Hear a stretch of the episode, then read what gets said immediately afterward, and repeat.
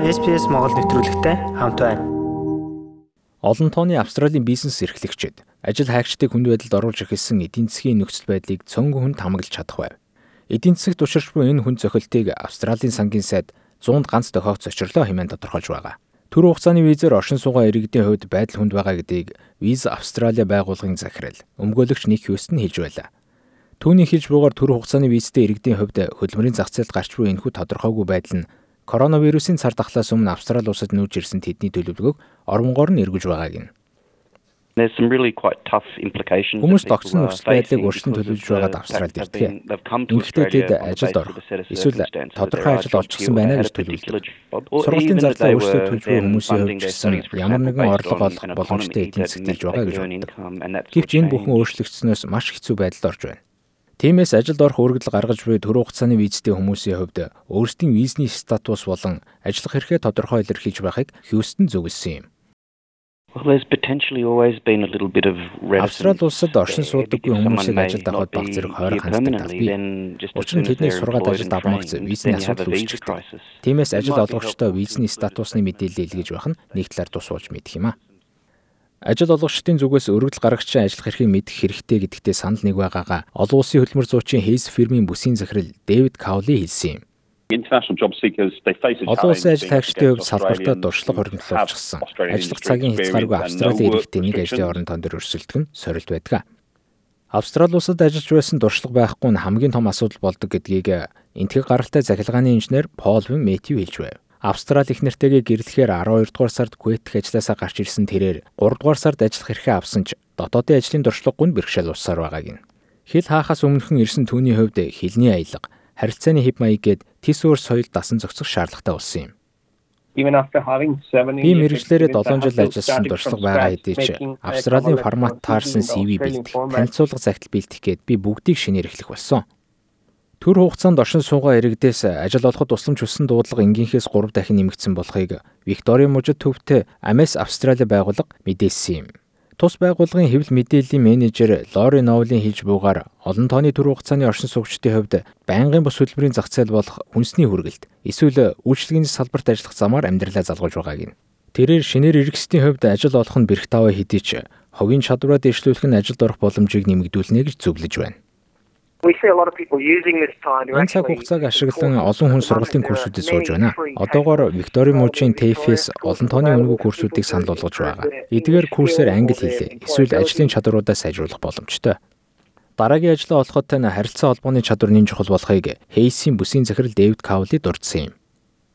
If English is not a candidate's first native language. Ажил горлогчийн умгийн хэл нь англи хэл биш бол ам болон бичгийн харилцааны чадвар сайтай гэдгийг харуулах нь тус болох магадaltaй. Мөн олон улсын хэмжээнд бүлээн зөвшөөрөгдсөн дөрөвдүгээр шатны сертификат гэх мэт зүйлсийг олж авах нь тухайн горлогч шиг улам үн цэнтэй харагдулдаг. COVID-19 цар тахлаас улбаатай ажлын шинэ орчин дасан зохицох чадвартай хүмүүс бол сайн ажилчин тооцогдно гэдгийг мөн тэрээр онцолсон юм. Бидний харж байгаагаар ажлын орчин улам бүр л ухаалаг болж байна. Тиймээс ажлын байраа гэр ажил гэсэн хосолсон. Эсвэл 100% гэрээсээ ажиллах зохион байгуулалтад шилжүүлж буй байгууллагуудын хувьд энэ явцыг дэмжиж чадах мэдээллийн технологи эсвэл техникийн тал дээр дуршлагатай хүмүүсийн ирэлт гарч байна. Амесийн аж үйлдвэр болон харилцагч хариуцсан менежер Менди Редклифийн хэлж буугаар идэвх санаачлагтай хүмүүсийн хувьд ажлын байрууд нээлттэй байсаар байгааг нь Ажлын дуршлаг шаарддаггүй зарим ажлын байрнуудын хувьд хаанаас ажиллаж авахд дуртай байдаг. 7 дугаар сард л ихэд бид хүмүүсийг ажлын байранд зуучилсан. Жишээ нь гэрийн тэжээвэр амьтдад зориулсан хоол түгэлтийн компани өвс багтаж савлах боломжтой хүмүүсийг хайж байгаа. Мөн гэрээсээ ажиллаж байгаа хэрэглэгчдэд үйлчлэх операторууд ч бий. Hayes фирмээс 6 дугаар сард 1100 ажил олгогчдын дунд хийсэн судалгаагаар бараг 5 ажил олгогч дутмын нэг нь шинээр ажилтан ийсүүлэхээ зогсоосон бол 30-аас дээш хувь нь шинээр ажилтан авсаар байгаа юм байна.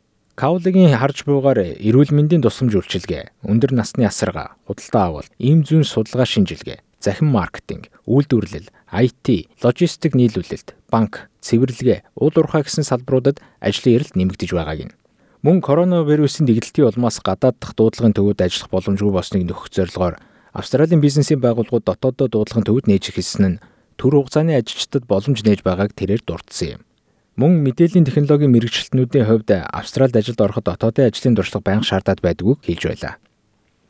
Being flexible to short-term contracts is really essential. Богино хугацааны гэрээгээр ажиллах уян хатан байдалтай байх нь чухал юм аа. Австралчуудын хувьд захин суурилсан харилцаа холбооны үйлчлэгэнд түлхүү шилжиж байна. Их Британи, Америкийн нэгдсэн улс, Европ энэ төрлийн үйлчлэгээ биднээс өмнө нэвтэрсэн гэдэг утгаараа тэнд ажиллаж байсан хүмүүсийн хувьд энэ төрлийн шилжилт хийж буй байгууллагуудад хэрэгтэй байж болох. Тэдний дотоодын ажлын туршлагаас илүүтэй өөрчлөн ашиглаж болох туршлагатай хүмүүсийг хайж байж болно. Ажил хайж буй хүмүүсийн хувьд бусдад холбогдож дэмжлэг авах хэрэгтэйг Redcliffe хэлж байлаа. The important part is to not try to be Гэрээсээ бие дааж өөрөө ажлын байр хайхгүй байх нь чухал зүйлсийн нэг юм. Учир нь танд дэмжлэг хэрэгтэй. Учир нь мэрэгжлийн зөвлөгөө, чиглүүлэх зөвлөмжүүд танд урд хожид байснаасаа илүү хэрэгтэй байгаа. Мэтьюгийн хувьд Adelaide-ийн нэгэн фирмээс ажлын санал авсан ч хил хааснаас улбалж тухайн байгууллага нь дотоодоос хүн шонгож шалгаруулж авахар болсон гин. Үүнээс хойш тэрээр бүтэн цагаар ажил хайх болж нийгмийн талаас гэртээ тусгаарлагдж байгаа хэдий ч түүний хувьд Австралийн хөлмөрийн орчинд хөлний илүүлэн алхахчийн хүслээ тээсэр байгаа. Тэрээр LinkedIn сүлжээнд идэвхтэй нэгэн болсон гин. unless you get someone uh, who Өөртөө адил зовлонтой хүнийг олохоос нааш өөрөө ажил олно гэдэг үнэхээр гомд. Би хүмүүсээс зөвлөгөө шийдэл авахын тулд линкнэр дамжуулж олон шинэ хүнтэй танилцсан. Тэрээр энэхүү захим ертөнцийн ихэнх нь энтгэх гаралтай Австрали суурьсан инженеруудын групптэй холбогдсон бөгөөд тэд ч гэсэн коронавирусын улмаас ажилгүйн зовлонд унцгааж. Захим орчны уулзалтууд ихэнхдээ Meet эсвэл Zoom ашигладаг. Би LinkedIn дээр гарсан сурчлагаагаар дамжуулж энэ групптэй холбогдсон. Тэр нь ажил хайгчдын групп байсан юм. Бидний хувьд шууд хэн нэгэнтэй холбогдох боломжтой. Миний олж мэдснээр ажилгүй болсны улмаас 3 сар, 6 сар, жил гаруй хугацаанд хүнд байдалтай байгаа хүмүүс олон байна лээ. Олон бүтлгүй ажлын өргөдлүүдийн дараа тэрээр мэрэгжлийн хүнээс дэмжлэг зөвлөгөө авсны ачаар ажлын байрны хоёр ярилцлагад өргөцсөн байна. Олон тооны хүн гадуур ажилгүй байна. Тиймээс нэг нээлттэй ажлын байран дээр 200-аас 300-ны өргөдөл авч байгаа. Мэдээж хэрэг ажил олгогчдын хувьд хүн бүрийн анкеттай танилцахгүй. Тиймээс зарим тохиолдолд тэднэр рүү шууд утсаар ярих хэрэгтэй. Би тэднэр рүү шууд утсаар ярьсан учраас хоёр ч ажлын ярилцлагад орохоор болж чадсан. Лайк, шеэр, комент үлдээгээрэй. SBS Монгол Facebook хуудсыг дагахаа мартаоцай.